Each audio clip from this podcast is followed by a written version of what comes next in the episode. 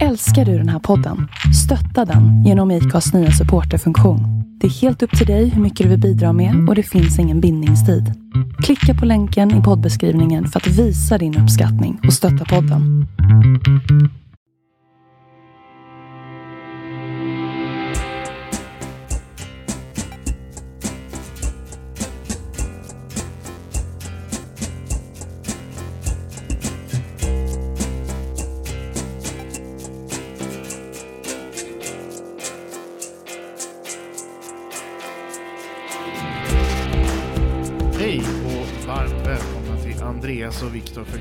Politik. Hej Andreas. Hej Viktor. Du är med mig ännu en gång på länk här. Så Yes. vi håller på den sociala distansen och jobbar hemifrån. Exakt, exakt. Du Ja, har eh, klarat dig från smittan än så länge. Jepp, det har jag. Du eh, har väl inte helt säker. Du kanske har fått den tidigare, men... Eller? I sådana fall var det väldigt milt och jag hoppas att det var den men jag hade ju någon konstig känsla i liksom, lungorna för någon, eh, någon vecka sedan. Eh, men det är ju helt borta och Ja. eh, jag är ute och får röra mig bland folk igen. Så allt är frid och fröjd på den fronten i alla fall. Mm. Men det har ju varit en, återigen en märklig vecka där eh, tiden går väldigt långsamt just nu måste jag säga. Yes, det gör den. Det, jag tror att eh, det här är nog den längsta marsmånaden i, min, i mitt liv. Mm. Som jag minns av. Men eh, nu har det i alla fall blivit sommartid och solen börjar skina Ja. lite så snart. Alla måste sitta inne när det börjar bli så här väder där svenskarna mest bara vill sitta ute och sola i parker. Det kanske inte är. ja. Alltså, så länge man eh, håller sig borta från att sitta i klungor så får man ju gå ut på promenader och sånt i alla fall. Det uppmuntrar ju Folkhälsomyndigheten till. Ja, eh, och jag rastar ju hunden och så vidare. Det, man, måste, man får ju gå ut. Eh, och har du speciellt inga symptom så får du ju definitivt gå ut. Men man kanske inte ska samla sig i stora klungor. Nej. Och Eh, man jag- kanske inte ska åka till Åre och Sälen Nej. och åka skidor. Nej, men precis. Eh, jag själv var ju innan eh, vi spelade in här så hade varit på besök på Sturehov och stödde det lokala när, näringslivet och hade en kaffe och en, en eh, macka på morgonen så här på förmiddagen. Mm, trevligt. Mm. Den här veckan så ska vi inte prata om viruset och dess framfart, men eh, det blir nog lite kopplat till den då. Mm. Vad är det veckans ämne, Andreas? Schengen-samarbetet. Schengen. Eh, Schengen, ja. Det var ju eh, nu förra veckan så var 26 mars så var det då konventionen kring Schengen trädde i kraft eh, 1995. Eh, då de inre gränskontrollerna eh, mellan eh, eh, ja, just det. Eh, Belgien, Frankrike, Mellan Tyskland, Frankrike, ja. eh, Nederländerna, Tyskland samt Portugal och Spanien. Som anslöt Ja. sig till samarbetet under 1990-talet. Eh, så då, då var det som de trädde i kraft. Eh, själva Schengenavtalet eh, följdes, alltså det var, följdes av det kom, kom, kom, konventionen som eh, kom, skrevs under 1990, men det tog fem år innan det, liksom, det, där liksom, det kunde verkställas. Mm. Och Schengen är ju någonting jag tror de flesta som lyssnar på det här har eh, upplevt eller utnyttjat i någon form. Mm. När ni har rest genom Europa eller rest ut genom Sverige eller liknande så har ni ju märkt att det är mm, inga gränskontroller Nej, för det mesta. för det mesta. För de Eh, senaste åren då. Ja, och de har väl i princip mm, på Öresundsbron här blivit mer än någonting som är i namn istället för någonting som sker rent praktiskt. Ja. Men eh, det, det är ju helt enkelt avskaffande av inre gränserna inom Schengenområdet som Mm. i praktiken ska omfatta hela EU. Mm. Och istället har man ju då flyttat gränsbevakningen utåt till de yttre gränserna så att Mm. man vill ju skapa en trygghet inom unionen och att man ska hålla koll på vilka som Mm. befinner sig inom unionens territorium. Mm. Men att den gränskontrollen ska ske mot tredje land, alltså Mm. EUs yttre gränser och inte mellan medlemsländerna för där ska man kunna röra sig fritt. Ja, det finns bara ett medlemsland idag inom EU som har ett, ett, ett helt undantag för Schengen och det är Irland. Ja, och tidigare var det Storbritannien också. Ja.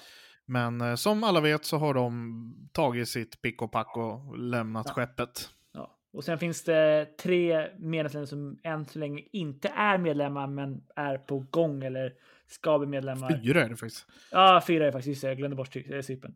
Jag kollade på kartan och såg tre länder som det var just det. En grön prick där borta i öster någonstans eh, också. Eh, men fyra, ja. Eh, eh, men Kroatien, Bulgarien, Rumänien och Cypern. Mm. Eh, Och eh, de är ju alla, alla nya medlemsländer som tas in i unionen Ja. har ju som mål att komma med i Schengen-samarbetet så Mm. småningom. mm, Och eh, de här fyra är alla på väg in. Om man går igenom det här lite land för land så är det ju så att Cypern har ju ett problem i att de har eh, ett halvt land. mm. Hela säger så. landet är egentligen med i formellt mening. Mm. Eh, men Men eh, om de vill eh, om de vill vara med i Schengen så måste de införa strikta gränskontroller mot Nordcypern. Ja, Och det förstår man ju att de inte är jättesugna på eftersom de anser att hela landet är Cypern. ja, exakt. Men det, de är ändå... Från början så funderar man på, vi kanske inte, det är inte värt det, vi vill inte göra det här. Men man har börjat mjukna och bett om att få bli utvärderad igen och Mm, att det ska komma sig upp till beslut och man kan släppas in i Schengen. mm, Och man har även avskaffat det här att man kunde köpa sig cypriotiska medborgarskap. mm. Vilket också var ett hinder lite för att få komma med i samarbetet. Tyvärr så finns det ju, det finns ju också, det finns faktiskt eh, eh, Schengen-medlemmar som där har uppdagats eh, även Malta är ju ett eh, exempel på där man har där har varit Mm. diskussioner kring det där ändå. Så det finns ju även Schengen-medlemmar som sysslar med, eller har sysslat med sånt. Ja. Eh, Eh, Så är det. så att, eh, Men är man medlem så är man medlem. ja, exakt. Lite så brukar det ju vara i det här. Ja, exakt. Men sen Rumänien och Bulgarien, de gick ju med i EU 2007. Eh, Och då kan man undra sig Ja. varför de inte. Men det är ju också för att till exempel ett land som Holland, de har alltid varit ett av medlemsländerna som senaste 10 åren, 15 åren kanske har varit mer skeptiska till att utvidga österut och därför så är de ju också mycket mera håller emot att släppa in eh, Bulgarien Mm. och Rumänien. Sen kan man också diskutera att Rumänien och Bulgarien kanske blev insläppta i EU lite för tidigt. Generellt sett. Ja, det brukar väl nästan anses som en allmän, Ja, allmän fakta liksom. Ja, att de kom bara- med lite för fort. precis. Anledningen till att de blev insläppta var lite för att man liksom kunde, kunde man säga ja men nu kan vi ta en paus. Eh, Mm. För man ville ha det, man, ja, man tyckte, ja men nu när det är 20, då var det 27, eh, då kan jag, ja men nu, nu kan vi säga, nu, nu tar vi en paus. Hade man inte släppt in då hade man kanske fortfarande känt att man behövde släppa in andra för att då hade man haft mer utrymme. Men eh, man liksom så här, ja. Eh, Jo, men verkligen. Och, men det, det har ju varit öppet för omröstning om att släppa in Bulgarien och Ja. Rumänien i Schengen. Mm, Och då var det ju Tyskland och Nederländerna, framförallt i rådet, som sa nej. Parlamentet har ju sagt ja. ja, Eh, Och man hänvisar ju till att eh, man ser brister i korruptionsbekämpningen i de här länderna och Mm. man är rädda för att det ska gå att muta sig förbi gränsen och Mm. in i Schengen alltså. mm, det. Det är den officiella anledningen som ges till att inte släppa in de här länderna. Mm, De har klarat EUs granskning för att släppas in, annars hade de inte kommit upp till omröstning. nej, okej. Sen har vi Kroatien och eh, där, eh, de hade ju som mål när de gick med att eh, EU, och det är ju senaste medlemslandet, Ja, att man ska med i Schengen och eh, man håller på att utvärderas just nu. Så det här ska läggas fram till parlamentet och rådet Mm. för omröstning om Kroatien ska släppas med. Där har väl eh, Ungern hotade under migrationskrisen att inte släppa in Kroatien om de inte fixade till sin gräns. Eh, I och med ja, allt det här som rör, Mm. som gick under migrationskrisen, att Just många tog sig via Kroatien in i Ungern. mm, Så det är de fyra länderna som står utanför. Och sen har vi ju Irland då som permanent kan stå utanför. mm, precis, för att de har undantag. Och förmodligen Ja, kommer göra eh, det under i alla fall en överskådlig tid. Eh, enda skälet till att de möjligtvis skulle kom, gå med tror jag är att om vi får ett förenat Irland. Mm. Eh, för då finns det, Kanske liksom, det. då finns det liksom mindre hinder för eh, för att liksom, det finns inte lika stor problematik kring Nordirland i alla fall. Mm. Är, Irland är ju lite roligare i det här för att det finns ett informationssystem Ja. inom Schengen eh, Ja. som, där du kan se om en person är efterlyst eller liknande. mm, Eh, Och vi kan prata lite mer om det senare, men det har ju bland annat Bulgarien och Rumänien tillgång till mm, idag. mm, Men inte Irland, och man Mm. håller på att söka om det. Och Storbritannien har fortfarande tillgång till det. De Eh, Trots att man aldrig heller var medlem i Schengen så var man, hade man det där för att delta i brottsbekämpande åtgärder. Men Irland står helt utanför det där, så Irland kan inte se om eh, du landar på flygplatsen i Dublin mm. så kan de inte de se om du är efterlyst inom Schengen. Ja, okej. Och det blir ju en... Det blir lite baklänges. Det kan ju vara ett sätt att, även om de står utanför Schengen, så är det ju, du kan du ju resa in i Storbritannien och sen ner liksom mot Frankrike. Ja, Med lite tur komma igenom alla gränskontroller. Precis. Ja. Mm, men jag funderar lite på. Finns det, har du hittat någon anledning till att de inte har varit med med tanke på att andra icke-Schengen-medlemmar har varit med? Är med menar. Nej, det har jag inte gjort. Och jag förstår inte riktigt varför man inte skulle vilja ha del av den här informationen. Men man Nej. har väl av Ja, någon det. anledning Nu valt att... verkar... Ja, Ja, nu vill de det, men innan, Ja. varför ville man Ja. stå utanför det här? Men det finns väl någon anledning de har Ja. motiverat det med. ja, de har ju lite olika, de har ju lite, lite speciella förhållningssätt till vissa saker. Liksom, där militär och sånt också, liksom, som de vill undantag till. Att de, det är deras nationella suveränitet är väldigt viktigt för dem av historiska skäl. Mm. Ja, och det förstår jag. Ja.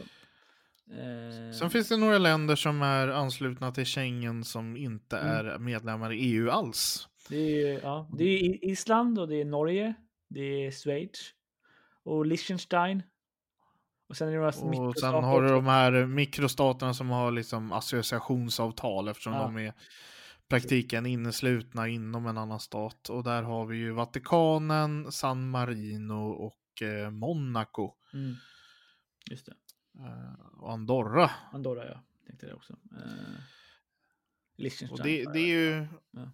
De stora länderna av de här, de är ju med liksom av samma skäl som alla andra, medan de här mindre är ju med för att Alltså, tänk om du skulle ha en gränskontroll mellan Vatikanstaten och Italien.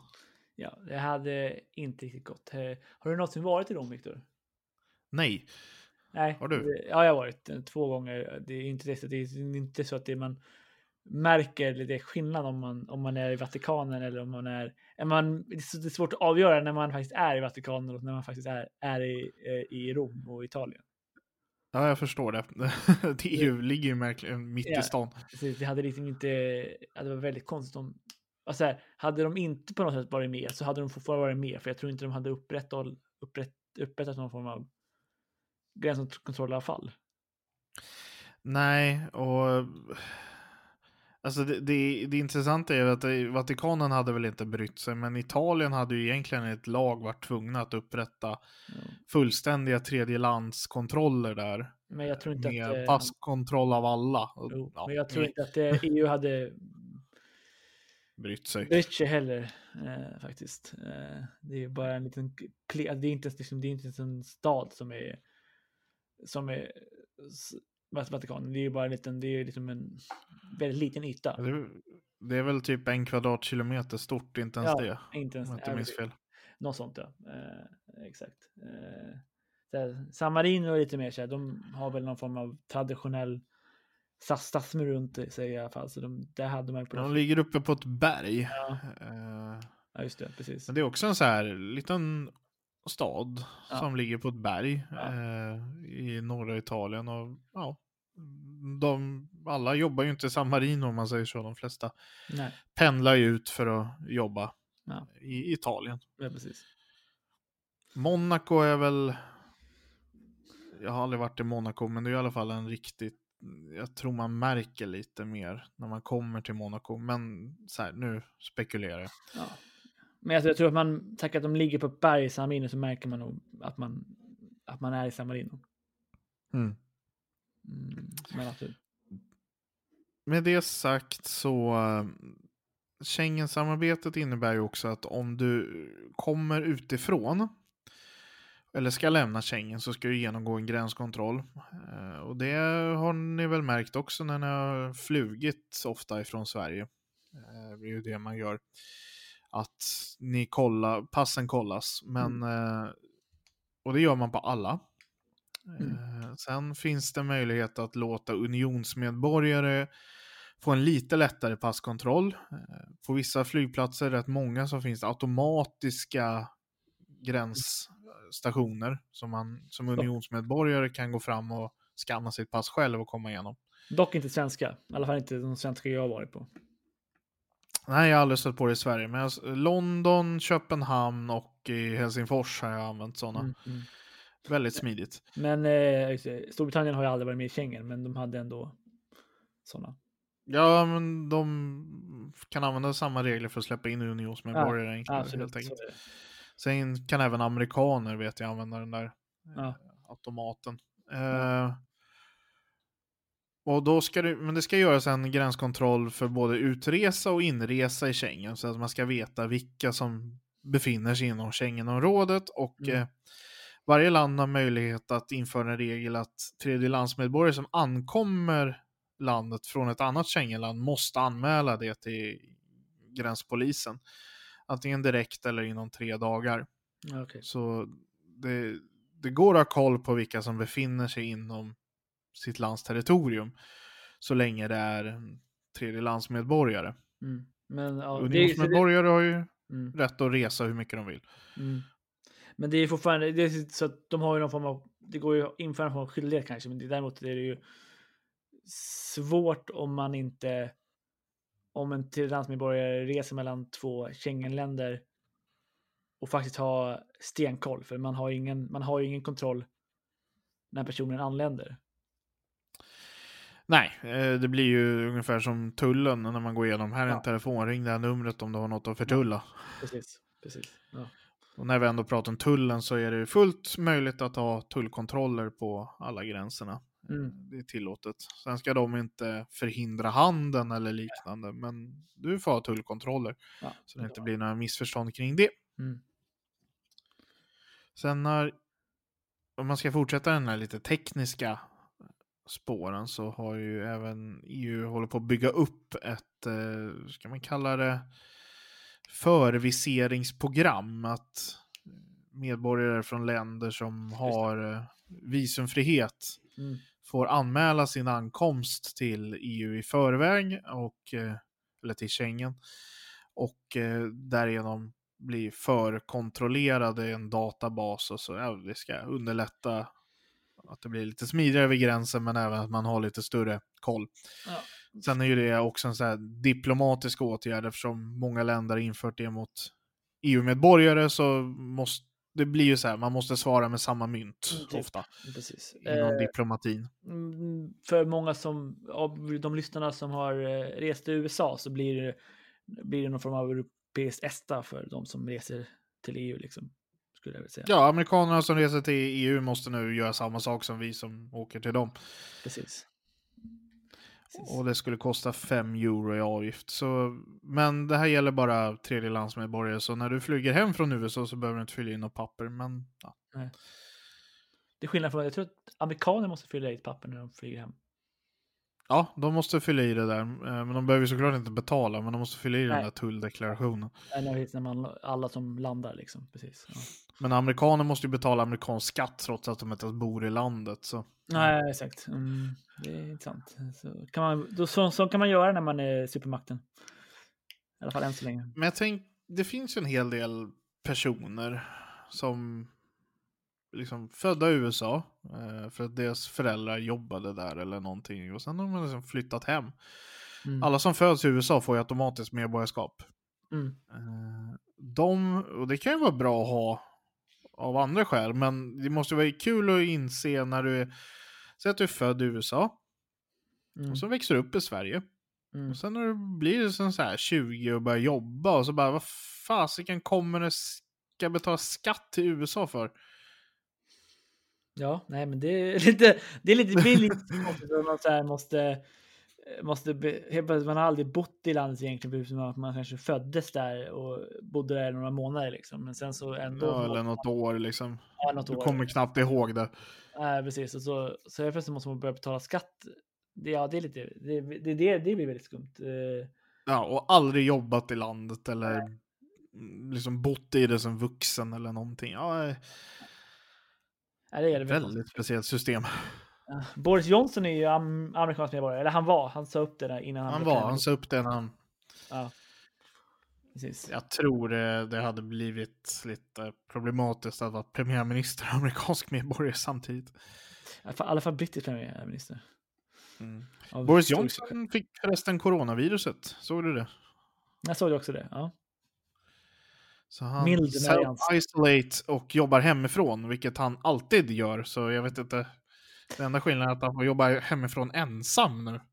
Ja, precis. Eh, och sen, sen har de fått kritik för att även han och både chef, det, deras typ av smittskyddsläkare, Mm. eh, har sagt att, att har också fått eh, coronaviruset. Eh, och båda två kommer vara i karantän i sju dagar, men rekommendationen är 14 dagar. Från de, de själva också. Ja, I Sverige är det ju två dagar efter du är symptomfri som du ska Ja, ja, ja, om, om man har om, om man har symptom bara, men de har ju faktiskt testats. Och har, Ja, då, då är det Jag tror 14 faktiskt det. Är det inte så att i Sverige om du även är positiv så är det två dagar efter att du slutar ha symptom? Eller så, Ja, jag, jag vet inte, jag får för mig att det är 14 dagar, men eh, om, om man faktiskt är bevisat har eh, corona. får man det så får man väl den informationen. Vidare till Schengen och åter till det. Mm. Andreas, det har ju varit en hel del problem eller hack i Schengen-maskineriet de senaste åren, ända sedan 2015. Vad är det som har hänt där? Ja, alltså det började ju 2015 som du sa eh, och det var ju då migrationskrisen och ja, det, den här, vi har ju en Dublinförordning som det kallas och den handlar ju om att eh, eh, asylsökande ska ansöka asyl i det första EU-landet som kommer till. Vilket oftast då blir eh, Medelhavsländerna, Italien, Grekland, lite Spanien också. Mm. Eh, men Spanien har i alla fall historiskt och forf- fortfarande ganska, har lyckats ha en ganska bra kontroll på det. På grund av... Eh, Ringer Andreas telefon? yes, den är en bit härifrån så den... Eh, jag får stänga... Får lyssna på Europahymnen. Nej, exakt. Ja, ja, vi får det. Men i alla fall. Eh, eh, jag säga? Jo, men. Så att då har ju de flesta som, och enligt de, de regler, Dublinförordningen då, då, då ska ju alltså Grekland eh, och Italien ta, de, ta typ allting. För att det det, det, det, Mm. dit all, alla kommer. För det går ju inte att flyga in. För det är ofta finns en sån här, har ju funnits som heter, eller finns fortfarande som heter transport, eh, transportansvaret. Liksom. Transportöransvar, ja exakt. Ja. Och som gör att man inte får, att de får inte ta, ta med någon som inte har rätt att landa. Eh, Eller rätt att vistas, komma in i landet om de inte har ett visum eller på någon inresetillstånd. Och därför så finns det bara ett sätt att komma in i, i, i, i Schengen. Och då blir det att man kommer till Italien och Grekland och har de fått ta extremt stort ansvar. Eh, men till slut eh, blir det extremt stora liksom, påfrestningar för dem och då, då har de bara släppt på och låter folk att vandra upp i Europa. Vilket skapade Mm. massa migrationsströmmar uppåt och liksom så här. eh, Man kallar det karavaner mm, om man var mindre politiskt inkorrekt och sådär. Och, och det skapade att till slut började massa stänga för att liksom så här. Eh, ja, det blev liksom hå- hållbart liksom. Eh, att hantera liksom. Eh, ja. Ja, och många kommer nog ihåg de här tv-bilderna eller liksom eh, Refugees Welcome och när liksom tågen ankom till Malmö och Stockholm med, med jättemånga människor. Och allt det här var ju att man tog sig igenom hela EU så gott man kunde utan att anmäla sig till någon myndighet på Mm. vägen. Ja, precis. Då kunde man ju inte bevisa vilken väg man har tagit och då kunde man ju hävda att mitt första land var Sverige eller Tyskland, vad man nu precis. ville. Och Dublinförordningen var ju smart sätt i början, liksom så här, det är väl så här. Men man hade kanske inte riktigt tänkt hela vägen där. Det att, är vägen eh, eh, precis. Ja, det hade Alla varit smart, hamnar två länder liksom. precis. Hade det, hade det funnits någon mekanism i DAB-förordningen som gjorde att, det liksom, eh, att man hade något form av gemensamt ansvar också eh, att hjälpa de, de länderna som är liksom frontärländer, liksom att alltså, omfördela om det blir liksom för eh, asylsökare, personer som har rätt till asyl, liksom, då hade det fungerat. Men nu blev det, går ju helt orimligt att, att bara för att de råkar befinna sig på EUs i, i, i, Yttre ja, så, så ska de ta allt ansvar för folk som söker eh, flyr undan krig och förtryck. Mm. Eh, ja. Och det här gjorde ju att eh, rätt många länder, i Sverige inkluderat, införde gränskontroller. Mm.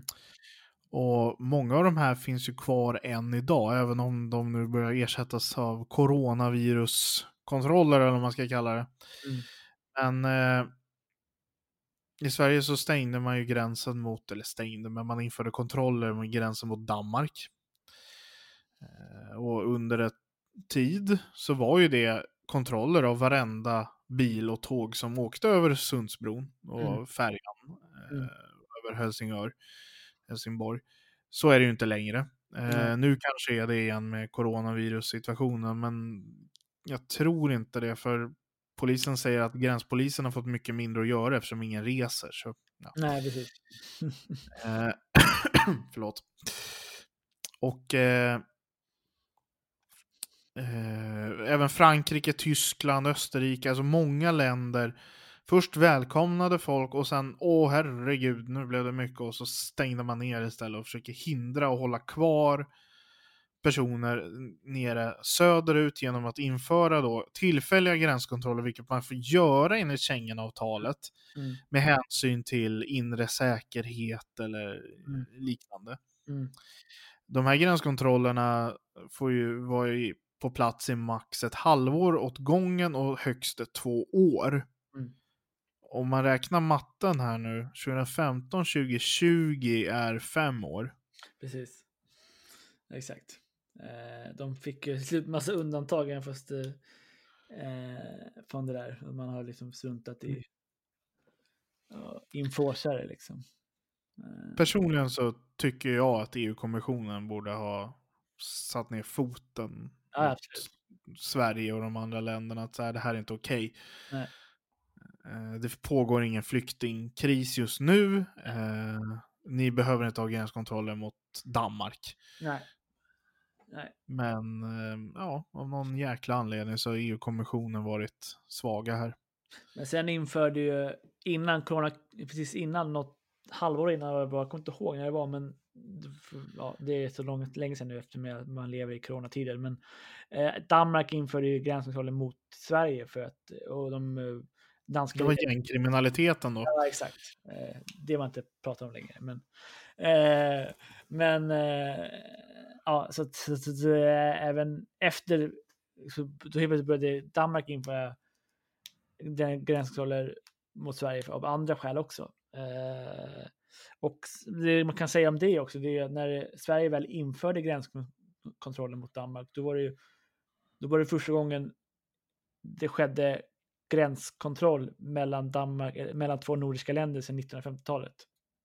Ja.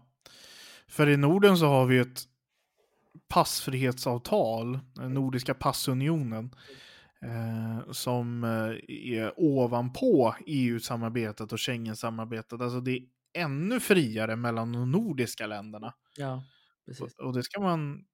Det, eller det det var, har ju funnits sedan 50-talet. ja, det var i alla Så fall. det har gått att resa... Mm. Ja. Det har gått att resa passfritt mellan eh, Sverige och Danmark och Norge och Finland sedan 50-talet. Mm. Ja, det, det är friare fortfarande än EUs regler för eh, du har eh, du har inte samma legitimationskrav. Om du reser inom Schengen så har du fortfarande krav på att du ska ha nationellt ID-kort eller pass. Ja, men så är det absolut. Det får vara friare. Eh, inom Norden så räcker det att du har ett körkort med dig, Mm. till exempel. Ja, men så är det absolut. Eh, och det är även eh, vissa regler kring hur man får bli medborgare eller hur man får vistas i landet.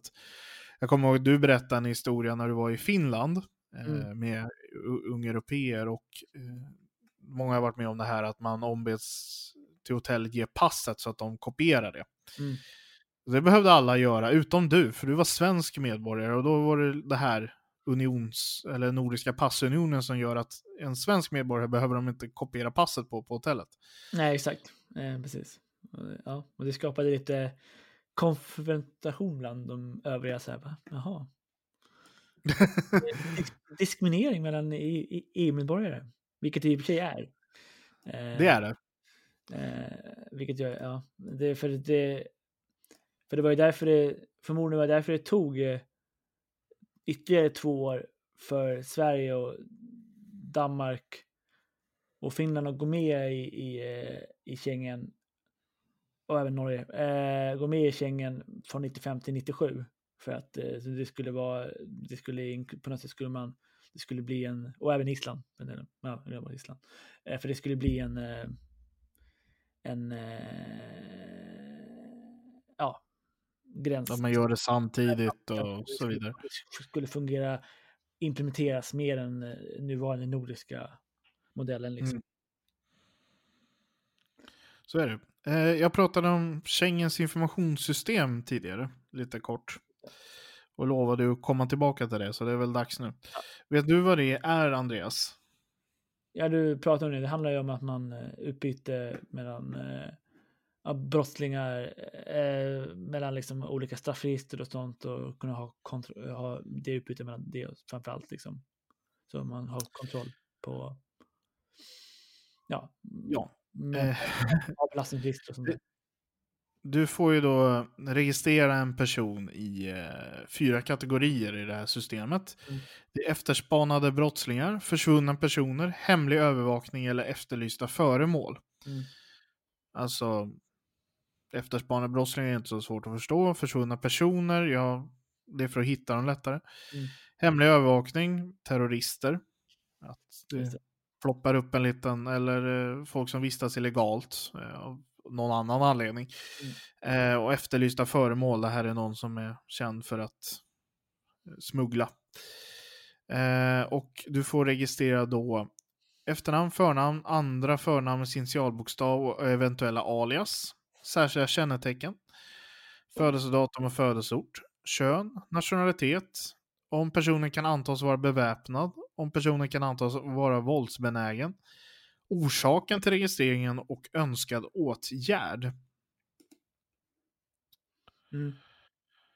Eh, det går faktiskt när jag läser lite mer här också att eh, efterlysa föremål i det här. Alltså du kan efterlysa ett enskilt pass eller ett skjutvapen eller en bil eh, eller sedlar eh, i, i systemet. Så att om du hittar den här sedeln så vet du att okej, det är en stulen papperslapp. Eh, något jag kommer ihåg när jag satt i eh, förvaltningsrätten och då migrationsdomstolen Ja. var ju att domaren alltid frågade Migrationsverket om man har gjort en SIS-slagning på den som var eh, föremål då för eh, förhandlingen och sökte uppehållstillstånd i Sverige. Mm. Så bland annat i och med i eh, lägger man in personer som blev utvisade ur Schengen för att Mm. de har inte fått uppehållstillstånd läggs in i det här så att om de kommer tillbaka så ser man det. Mm. Förhoppningsvis. Mm. Eh, så så funkar det. Mm. Mm. Stort efterlysningssystem. Det är ju väldigt eh, rimligt att ha när man har ett, eh, man, eller man måste i princip ha när man har ett, eh, har, de, har den här rörligheten och liksom, att man inte har några inre kontroller. Liksom. Då är det bra att man har ett gemensamt system för sånt här. Liksom. Ja, nej, men om någon blir utvisad ur Sverige och sen försöker den ta sig in landvägen, gränsen mot Ryssland säger vi, via Finland. Mm. Eh, då, då är det ju bra att mm. de finska myndigheterna ser varför personen har blivit utvisad ur Sverige eller att den ens har blivit utvisad ur Sverige. Mm, mm. Nej men precis, absolut. Exakt. Har vi glömt något om Schengen? Det känns som att eh, vi har täckt väldigt mycket hur det här fungerar. Och eh, vi kan ju säga att det här gränsstängningen som har skett av hela Schengenområdet nu med coronakrisen. Mm. Det är ju på rekommendation av Europeiska rådet. Mm. Eh, det går ju inte för EU att själv stänga gränserna till EU, det är lite kul. Nej. Utan det är en nationell befogenhet. Och därför så rekommenderade rådet alla medlemsländer att stänga sina gränser. Och sen var varje medlemsland tvungen att ta hem det och fatta det beslutet själva. Och hur det skulle implementeras helt och hållet. Precis, beroende på hur det fungerar i varje land, hur man, hur man implementerar det. Liksom. Men i Sverige så gick ju exempelvis eh, en utredning och sa att man införde inreseförbud. in, in, inreseförbud. Liksom. Eh, efter beslutet. För tredje landsmedborgare. Sverige, och det där har vi ju diskuterat här tidigare, att jag tror inte det är möjligt att förbjuda unionsmedborgare att resa över unionen eh, om de inte är misstänkta för brott. eh, så Sverige fattade beslutet att förbjuda inresor för tredje landsmedborgare. EU-medborgare är fortfarande välkomna in i Sverige. Mm.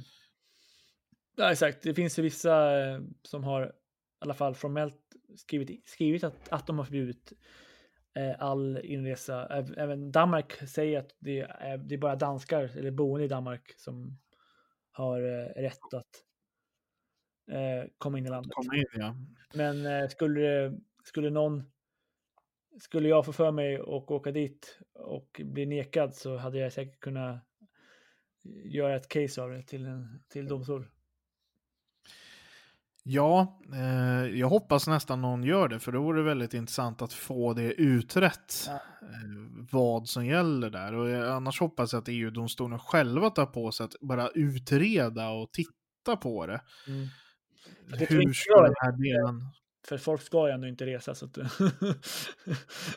folk ska inte resa, vi uppmanar inte till resor, men en person kan väl försöka i alla fall så vi får ett domstolsärende av det. Skämt åsido. Eh, det är ju ändå en fundamental del av EUs funktionssätt att mm. den fria rörligheten, det är en av de fyra friheterna. Mm. Och då måste ju det upprätthållas. Så jag hoppas att någon, eller i alla fall domstolen, själva tittar på det och reder ut om det här var lagligt eller inte. Sen kommer jag inte få svar på det innan det här är över och gränskontrollen har lyfts. Nej. För här kommer i alla fall kommissionen inte låta varenda land stänga ner sig själva. Nej, precis. Eh, det man kan säga, vi pratade om det innan vi startade inspelningen. Just nu så när det gäller inre gränskontroller så vi såg en karta här på svenska Wikipedia under Schengensamarbetet så där visar det upp att alla, i princip alla Schengenländer har idag inre gränskontroller. Undantaget är Island, Grekland och Italien. Och Malta tror jag. Eh, ja. Eh, och där är ju Malta och Island är två öar. Ja. Eh, så om de förbjuder flygtrafik och båttrafik så är det effektivt en gränskontroll. Det är eller nästan effektivt. Ja, eller, eller ha bra kontroller vid, vid flygplatsen. Ja. Mm. Grekland har inga gränser Förutom den mot, mot Schengenländer. Det är däremot Bulgarien där, men... Eh, de är inte Schengenland. Så att... De är inte Schengenland, så där är också problemet löst. Ja. Och Italien, eh, alla andra har stängt gränserna mot Italien. Så exakt. Det finns bara vattengränser och det är liksom inget så här. Det är så. Jag, jag tror inte ens, jag tror jag, tror jag läste någonstans att det var det fanns eh, de flyktingar som har varit i Italien, de försöker till och med ta sig över Medelhavet åt, åt andra hållet. Eh, Det låter hemskt att jag skrattar, men det, det, ja, det visar väl på hur allt har förändrats här. Precis. Eh, frågan är, jag tror inte att Spanien har inte in- inför gränskontroll heller tror jag. De har ju okay. stängt ner landet. De har ju stängt ner hela landet. Både Italien och Spanien har ju satt alla i karantän. Så Jag ser bara, jag ser bara, liksom bara gränser på, mot Frankrike och mot Portugal, men det finns ingen, ingen gräns runt, runt vattnet, så jag vet inte. Och det är samma Nej, så, så. Eh, I och för sig så ser jag inte det när det kommer till den franska ön där eh, heller. Så det, och vi Korsika. vet ju att Frankrike har, har, inre gräns. De kan ju undantaget Korsika. Jo, men... eh, Sen kan man ju säga att de jo, men- jo, utom europeiska... ja, Ja. Jag Nej, Spanien... att eh, har- nu visar man länkens, eh, när vi inte ser varandra, hur man pratar i mun på varandra. och fortsätt. Ja, jag skulle bara säga att eh, det finns ju utomeuropeiska territorium också. Eh, Kanarieöarna, Azorerna och Madeira som tillhör Mm. Schengen. Eh, Mm. Men att till exempel de franska besittningarna i Sydamerika, eller de Mm. är ju faktiskt en del av Frankrike, de tillhör inte Schengen. Nej, okej, okej. okej. Eh, Spanien, de har ju eh, alla, alla inre la- landsgränser med inskränkning inskränkning av den fria rör, rörligheten. Så, att, eh, så de, det har de. Alla inre gränser, de har, de har alltså inga, eh, ingen eh, gränskontroll på vattengränsen. Okej, ja. Det vill säga, ja, det är eh, jag förstår det, men det finns ingen mening att lägga resurser på och, att kontrollera vattengränsen. Det är väl viktigare. Eh, De flesta reser ju. Mindre just nu här. Ja, ja, exakt. Ja, men ja, det, var det något mer? Vi, har vi glömt någonting? Nej, jag tror eh, det var det hela så att säga. Det eh, är ju ändå så att Mm. Mm, vi, vi har täckt det mesta i hur Schengen fungerar utan att liksom gå in i juridiska detaljer, vilket vi aldrig gör. Nej. Utan vi har eh, förklarat lite snabbt vad Schengen är. Det är ett pass. Frihetssystem kan man kalla det. Ja. Eh, ett sätt att resa eh, utan hinder mellan medlemsländerna och eh, Mm. att skapa en yttre gräns för EU istället. Så att Mm. man samarbetar Precis. på de ställena istället. Genom myndigheten Frontex. Mm. Man undrar vad den heter. Mm, för vi har inte...